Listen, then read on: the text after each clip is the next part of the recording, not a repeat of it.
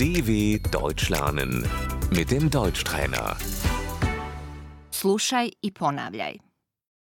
Dan, Der Tag. ponedjeljak, Der Montag. u ponedjeljak, Am Montag. utorak, Der Dienstag. srijeda, Der Mittwoch.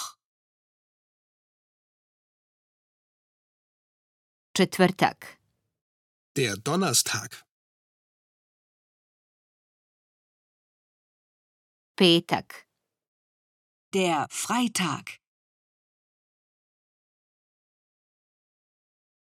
subota, Der Samstag. nedjelja, Der Sonntag.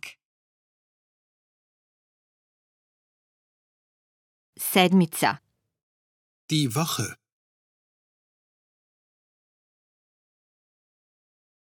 ove sedmice, Diese Woche. sljedeće sedmice, Nächste Woche. vikend, Das Wochenende.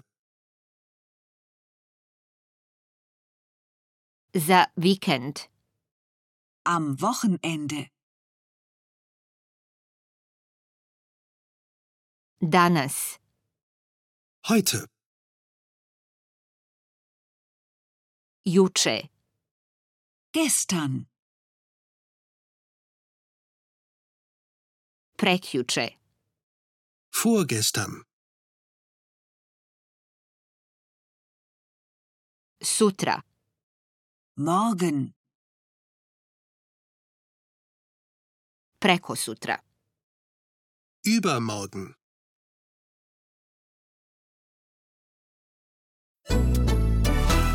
dw.com/deutschtrainer